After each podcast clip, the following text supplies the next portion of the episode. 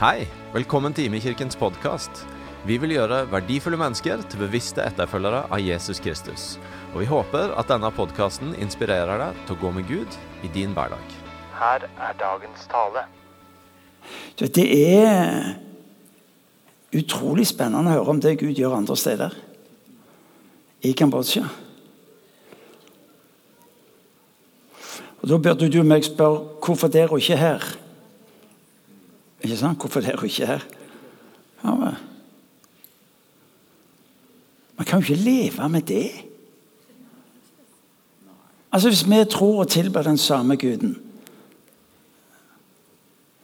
Vi er riktignok litt mer eh,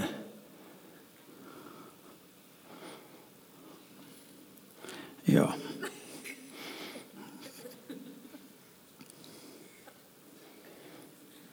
Men det er mulig vi ikke skal slippe bønnen ennå.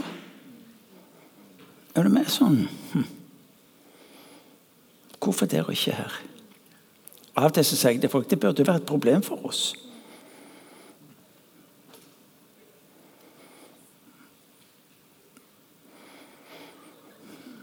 Det ble sagt på en svær misjonskonferanse i 1919 i Edinburgh, hvor det ble fortalt om eh, vekkelsen i, eh, i Korea.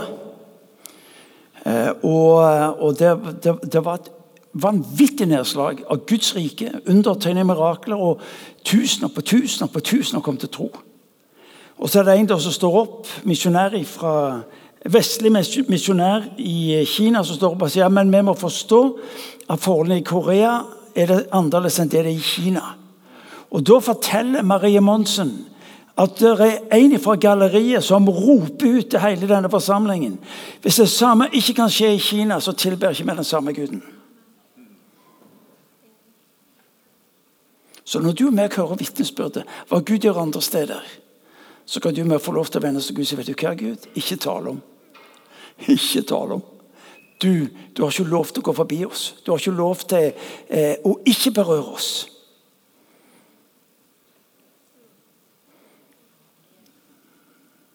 Tror du virkelig at folk elsker den norske befolkning mindre enn han gjør khmer-folk i Kambodsja? Han gjør ikke det. Han gjør ikke det.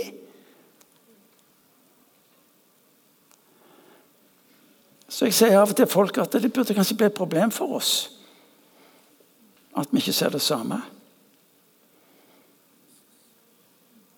For det som er et problem for deg, det slipper du ikke.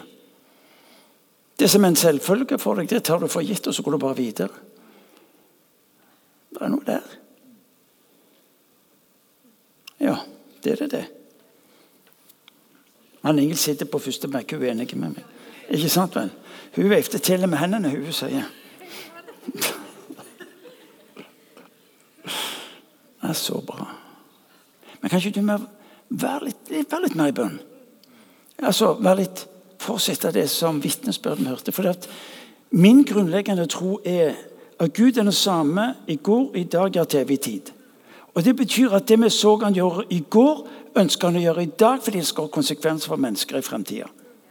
Er, er, dere med meg? Ja, klart dere det. Hvis ikke hadde dere ikke vært der.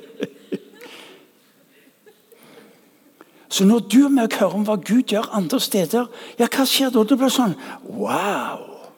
Noe er på gang.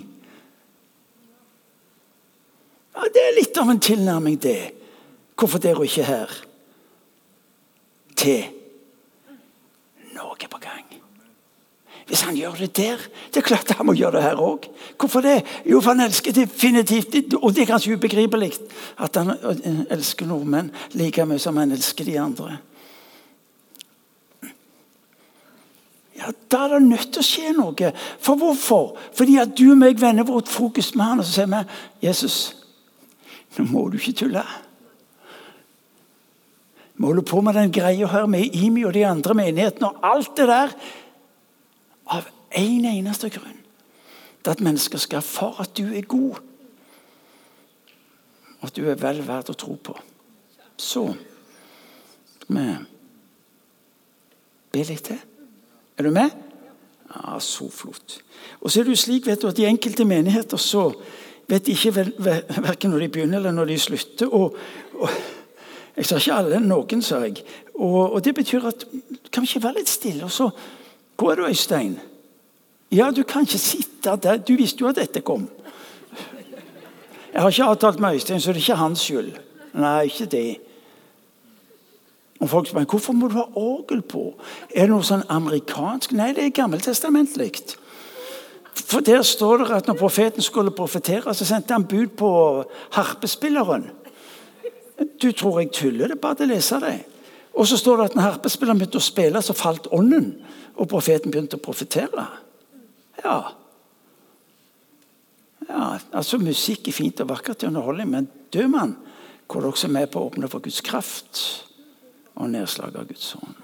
Så Øystein, Øystein er klar? Øystein er alltid klar.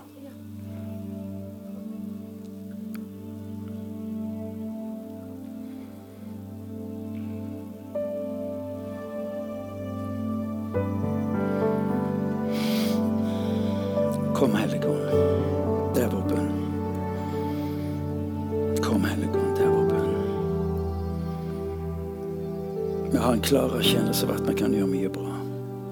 Vi er flinke til så mangt. Men denne forandring, Herre Dette veldige fra død til liv er det bare du som kan gjøre ved oss. Vi ber, kom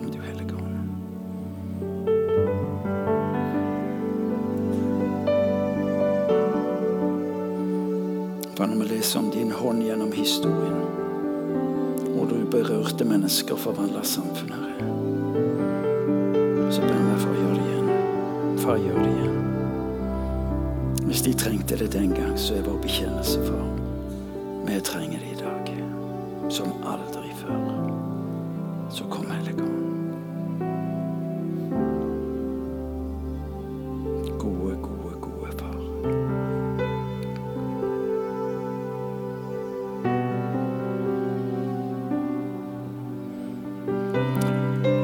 Far, vi bekjenner for deg at vi mangler både evner til opprydningsarbeid og til forberedelsesarbeid for det vi tror du skal gjøre.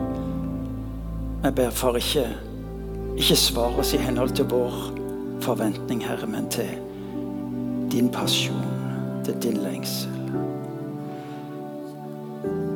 For du ser det som er stykkevis og delt i våre liv, Herre. Kom, Hellige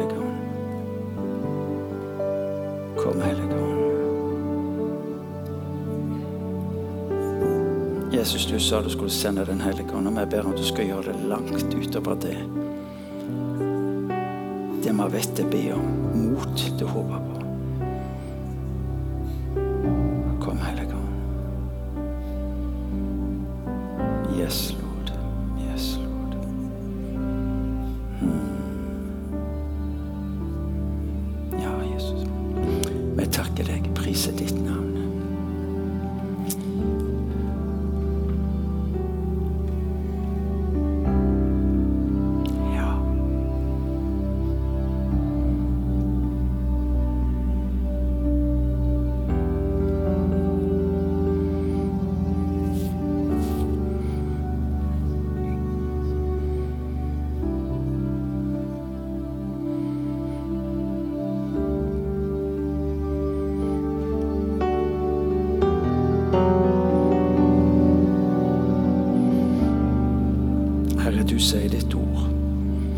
At du vil svare.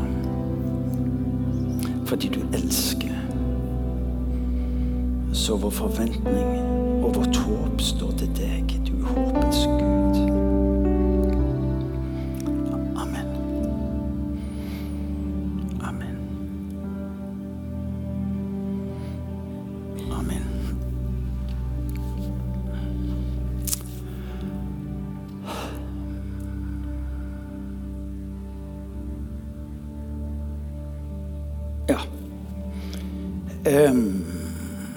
Vi har begynt med en serie denne høsten. heter Jesus møter. Eh, og det er sånn Vi tenkte i denne tida, eh, hvor så mye er i bevegelse, urolig, ustabilt, så tenkte vi Hva å gjøre denne høsten til, til fokus på dette Vi holder nesten på å si dette enkle. Og kun ha et fokus på Jesus. Hvem han er. Hvordan møter med mennesker innebærer forandring, ny retning. Og så, og så tenkte vi at eh, ja, vi, ha, vi, gjør ikke teksten til utgangspunkt for type tolkning, men, men, rett og slett som Irene gjorde sist søndag. Hun gikk inn i teksten, og så levde hun seg med i det som skjedde gjennom disse ulike versene som ble lest. Det er en måte å gjøre det på. En annen måte kan være at du, du, går litt inn i teksten, og så går du litt ut av teksten, og så har du litt undervisning, og så går du inn igjen. Og andre igjen bare belyser teksten som, som rå tekst, uten å ha en hel masse med skrifthenvisninger. og Så får vi se hvor jeg havner hen. Det er jo alltid spennende for meg òg. Hva skulle du snakke om? var det en som sa. Jeg vet ikke helt riktig før jeg har begynt. men så det, kan jo bli bra. I dag skal vi lese en tekst fra Lukas evangeliet 36. Det er Vi har fått lov til å velge fritt. Eh, så jeg eh, hadde én tekst på forrige gudstjeneste klokka fem, så har jeg én nå. Og så får vi se om innholdet blir det samme. Det skal egentlig være helt likt, men det blir det aldri. Ja.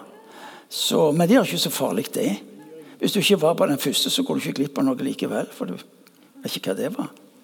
Men når vi nå leser denne teksten, så kan du lese den bare om hodet, eller du kan lese den også med hjertet. For du skjønner det at eh, En har sagt det slik at hjertet tar deg til steder hvor, hodet eller fornuften aldri ville våge å ta deg. Don't think twice. Det er det som lammer oss, blokkerer oss og sørger for at vi aldri kommer videre i livet. Så Når du leser teksten, så leser den med, med hjertet. Fordi det er en spesiell ting. Jeg leser, og så kan du lese høyt med meg hvis du vil. Hvis ikke, så kan du eh, lese den inni deg, og det gjør samme nytten. Vi leser fra Lukas evangeliet kapittel 7, vers 36. Og du, du, ja, men Her er det mange vers. Ja, men det gjør det ikke farlig, det. Hvis dette er Guds ord, så er det jo sannelig men hatt altså han har sagt en tolvretters middag i én. Ja. En av farsererne innbød Jesus til å spise hos seg.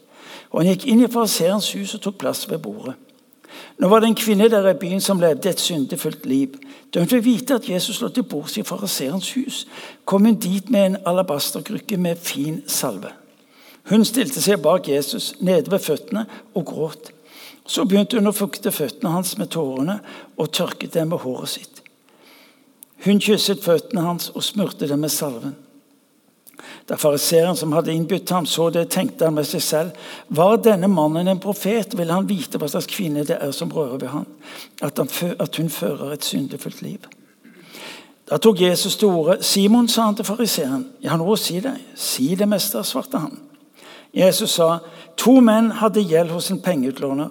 Den ene skyldte ham 500 denarer, og den andre 50. Men da de ikke hadde noe å betale med, etterga han dem begge gjelden. Hvem av dem vil da holde mest av ham? Simon svarte, den han etterga mest, tenker jeg. Du har rett, sa Jesus. Så vendte han seg mot kvinnen og sa til Simon, ser du denne kvinnen? Jeg kom inn i ditt hus. Du ga meg ikke vann til føttene mine, men hun fuktet dem med tårer og tørket dem med håret sitt. Du ga meg ikke noe velkomstkyss, men helt fra jeg kom, har hun ikke holdt opp med å kysse føttene mine. Du salvet ikke hodet mitt med olje, men hun smurte føttene mine med den fineste salven. Derfor sier jeg deg, hennes mange synder er tilgitt. Derfor har hun vist stor kjærlighet. Men den som får lite tilgitt, elsker lite. Så sa han til kvinnen, 'Syndene dine er tilgitt.' Da begynte de andre gjestene å spørre seg selv, 'Hvem er han som til og med tilgir synder?' Men Jesus sa til kvinnen, 'Din tro har frelst deg'. Når jeg leser denne teksten, så er det ett spørsmål som kommer til meg, og det er at hun tør det. At hun tørde! Hva i all verden var det som surra i hodet på den dama? Som visste hvem hun var. Hun visste hva hun representerte. Hun visste om sitt omdømme. Vi er opptatt med omdømme i området her. Enten det er bedrifter, eller det er menigheter eller mennesker. Hun visste og kjente godt til omdømme. Hun visste at hun var mer kjent enn de fleste i området. Og allikevel våger hun å gjøre noe som til de grader må betegnes som galskap. Et eller annet har tatt tak i henne på en sånn måte at hun velger å reise seg, bryte ut av, for å gå i møte med en. Vi vet ikke om hun var truffet. Det kan være som det var med denne som satt på veien ut forbi Jeriko, som hørte at det var mye folk, og så spør han du leser om det i Markus evangeliet kapittel 10, og så spør han, hva er det for noe. Jo, det er Jesus fra Nasaret som er forbi. Og i det øyeblikket så spretter han på beina, og så begynner han å rope 'Jesus!' Jeg hadde ikke møtt ham, hadde hørt om ham. Det kan være at denne dama ikke hadde hørt, men ikke hadde møtt ham. Det er ingenting som sier, tilsier. For resten av beretningen antyder mer at det var en hun hadde hørt om, mer enn en hun hadde møtt. At hun tør gå bort til boksen med pengene hun hadde. Ureine penger. Ureine penger hun hadde fått for sine tjenester. Prostituert. Og Så går hun til byens butikk og så kjøper hun denne fineste salven. Ei årslønn, står det i parallellteksten. Årslønn. 400 500 000 omgitt i norske kroner. En liten krukke. Hva i all verden er det som får det der kvinnemennesket til å stå opp, ta pengene hun har betalt en høy pris for, for så å kjøpe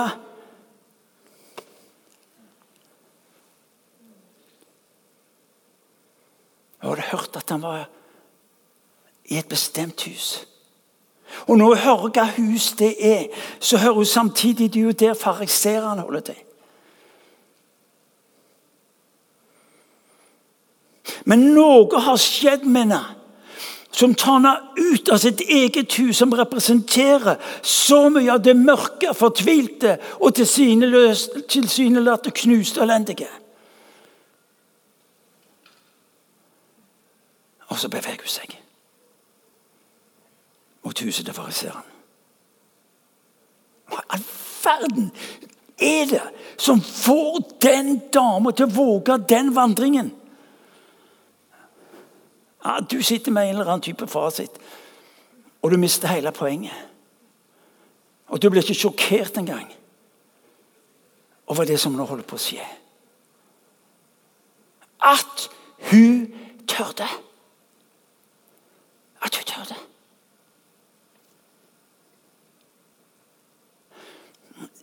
Jeg fornemmer hun nærmer seg huset, for der var det rom til nye valg. Men i det øyeblikket hun trør inn over dørskammen Past the point of no return. Du skjønner, Måltidene i datiden var det, det, var åpne måltider, men du kom ikke uten at du var invitert. Men det var, det var åpne, Dørene sto åpne, og, og du kunne gå inn. Dette var et måltid for menn.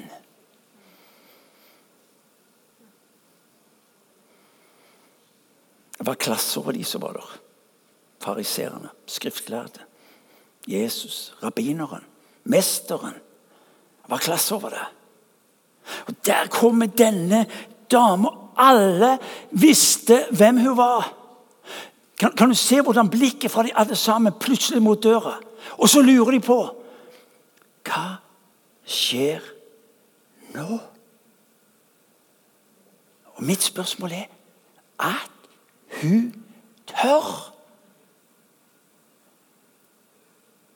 Kan du se blikket til de som sitter der? Kan du se noen av sånne en? Hva skjer nå? Hva gjør hun nå? Og så går hun bak ham. Og så står hun der, så går hun ned til føttene hans, og så bøyer hun knær. Og de lurer på hva det er hun gjør for noe. Og så gjør du noe av det som er uakseptabelt hun som kvinne. Tar på en mann. Og Det var ikke bare dette at hun var kvinne, men hun var jo urein.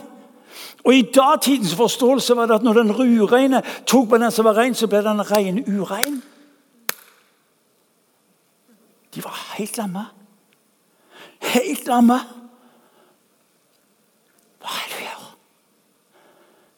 Det er fascinerende at alle ble sittende.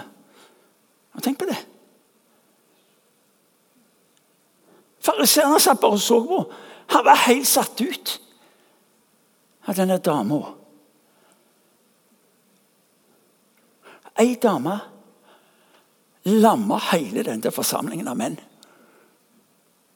Fascinerende. Men at hun tørde At hun tørde.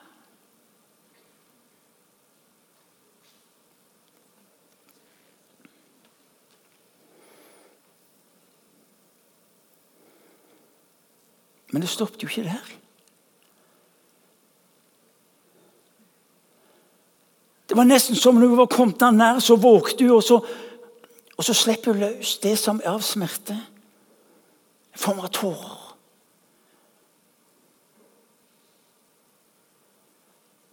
Og så bare griner hun. Bare griner. Tar det ut.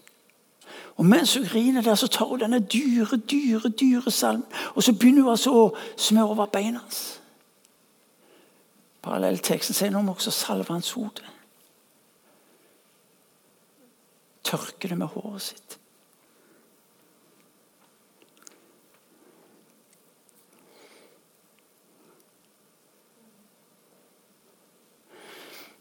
Du skjønner, De ble sjokkerte, for de visste ikke hvem han var.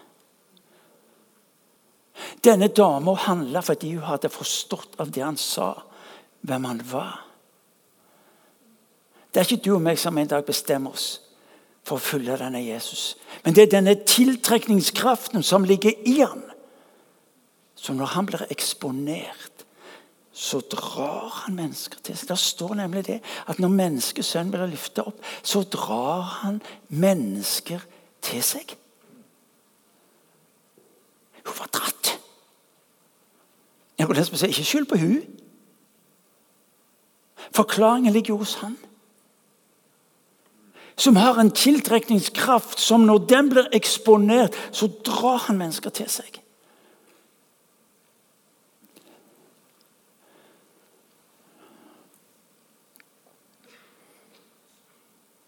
Mange møter han gjennom drømmene. De har aldri møtt ham, men hva så forteller når han en natt drømte? Og så skjønte han det var Jesus han drømte om. Når millioner av muslimer leser om Isa i Koranen, som den unike, som helbrederen, så har de altså fått bilder av denne Jesus. Men hvorfor kommer de ikke lenger? Hvorfor stopper de forbi døra?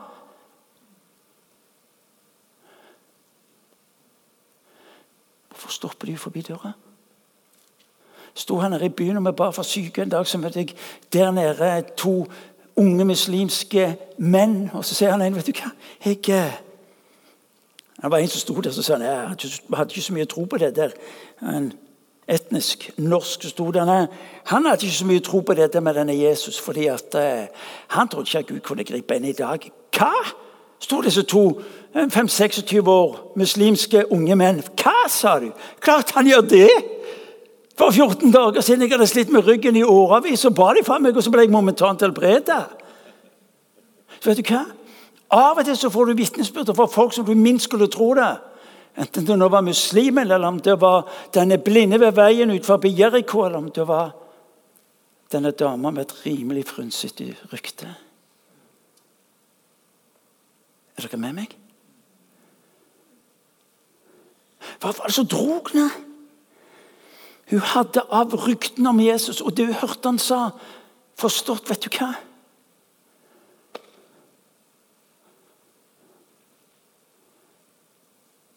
Halleluja. Det er den Jesus vi tror på. Ja, da lurer på Hva tenkte du, Jesus? Der du lå og spiste. Jeg kan ikke fatte begripe denne praksisen med å ligge mens du spiser. Det er så ukomfortabelt å ligge når du skal spise. Er du med? Altså, Jeg skjønner ikke det der, jeg. Men det er greit. Det er jo ikke mitt problem. Når jeg jeg sitter. Jeg lurer hva Jesus tenkte på når han så ned i døra. Jeg lurer på hva han tenkte på. Der hun kom inn, gikk bak han. Jeg tror Jesus så to ting. Jeg, jeg tror han så hun, og så så han de.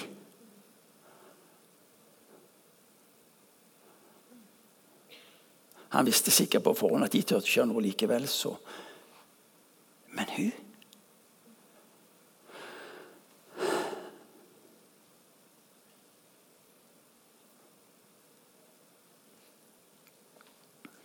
Hvor det, hvor det for meg er Dette er en av de vakreste beretningene jeg vet om i Bibelen.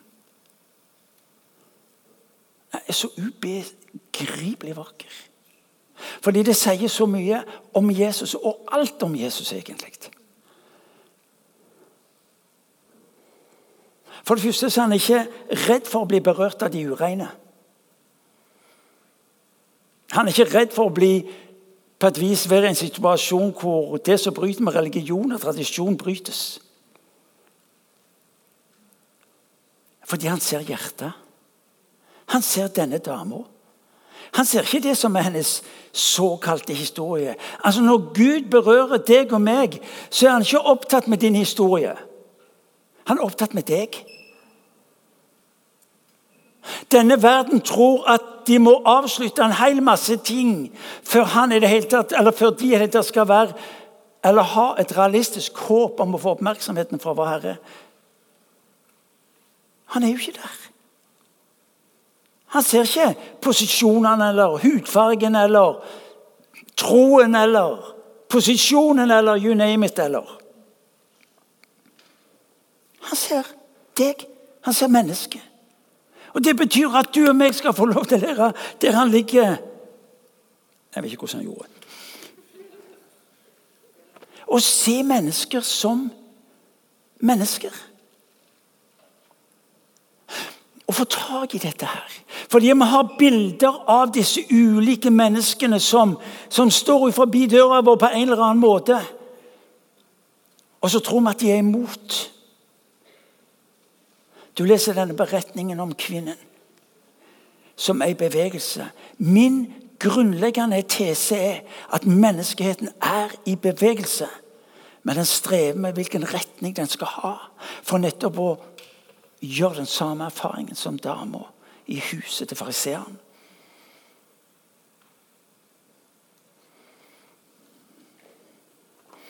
Det er en underlig beretning i Lukas evangeliet kapittel 15 om en sønn som hadde surra det rimelig heftig til for seg. Dere har lest om den. Han tok sin del av armen, reiste på tur og ødela alt. Så kom han hjem.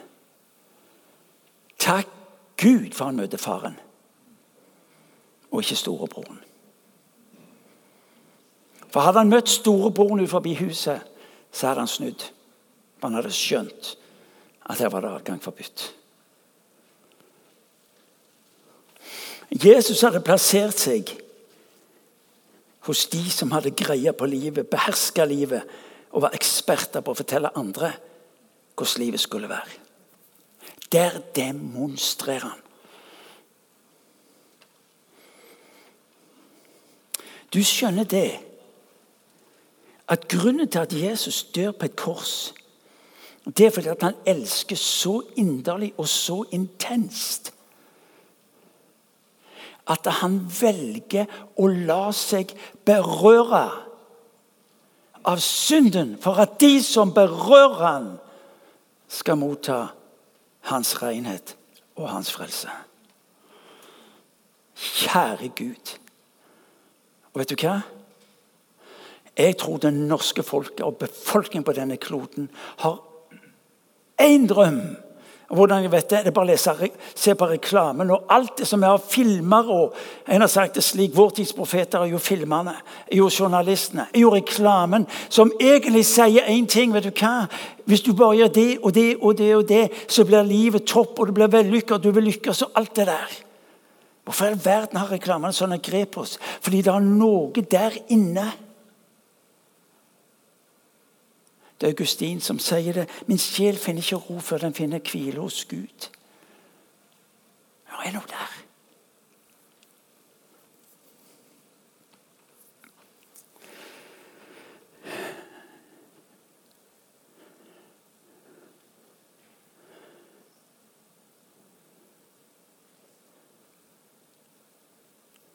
Noe av det som slår meg når jeg leser teksten, det er jo at eh, Jesus er ikke opptatt med å gi oss den rette metoden. Han er bare opptatt med å gi oss retningen. Som ender opp med han. Kanskje er du her inne som tenker at eh, Nei, jeg er ikke, ikke kristen. Jeg tror ikke på han. Våg retningen. Våg som denne dama å bryte opp. Tross alt det som skulle tale imot i eget liv eller omgivelsene. Denne dama hadde to fiender. hun. Det ene var det hun sa til seg sjøl. Jeg, med min historie, er diskvalifisert per definisjon som prostituert. Og nå møter den ytre motstanden hos de som virkelig hadde greie på religiøse spørsmål, bekrefta med sin holdning at du passer ikke inn.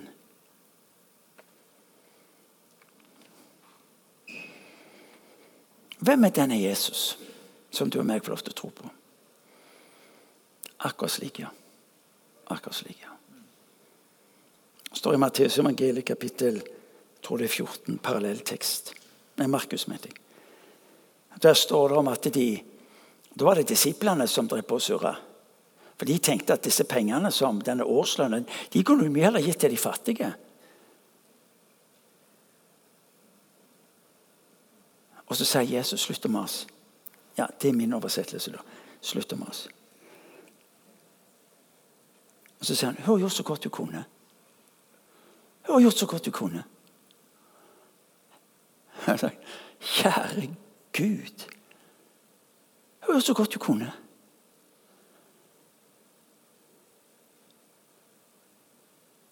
Og det innebærer at det hun gjorde, skal nevnes gjennom historien. For alle mennesker. På alle steder.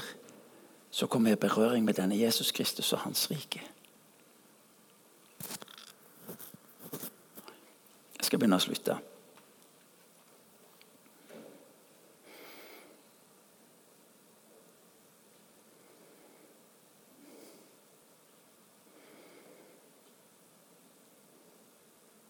Jeg har sittet på siden av denne damen noen ganger, og jeg har spurt henne At du tørde Det er sant. Satt meg ned på sidene i teksten og sa du, at du tørde.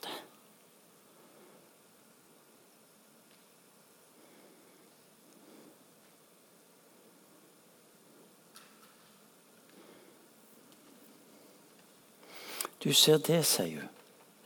At det er andre mennesker så meg for det jeg kunne representere. Møtte jeg en som så meg som den jeg var.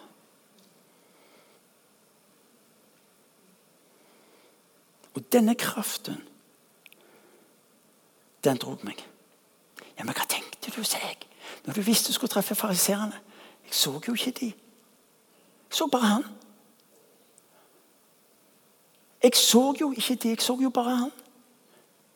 Så invitasjonen fra denne dama er jo egentlig til å Når ditt fokus er han, så glemmer du de som er rundt. For det er de som skremmer oss.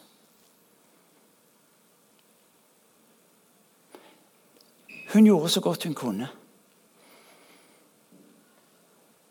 Han inviterer deg og meg til å gjøre så godt vi kan med det han gir oss. Og så er det forskjellig.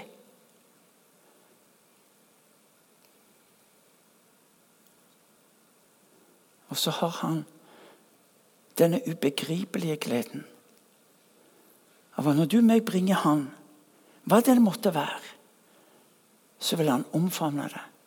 Han vil anerkjenne det. Og så vil han la sin nåde og sin velsignelse mot deg være ved. La oss be. Gode Far, vi takker deg for din ubegripelige nåde. Far, vi takker deg fordi du kjenner oss. Du vet hvem vi er. Hva vil du sette i gang denne bevegelsen av mennesker som våger å reise seg og gå mot deg. For fordi de så at vi var i bevegelse mot deg. Fordi at vi ikke bare var mennesker som pekte på en eller annen retning eller et eller annet mål. Men fordi de ved våre liv så retningen vi hadde på vårt liv. Far, jeg Med våre ulike historier Far, la oss få lov til å lære av denne kvinnen.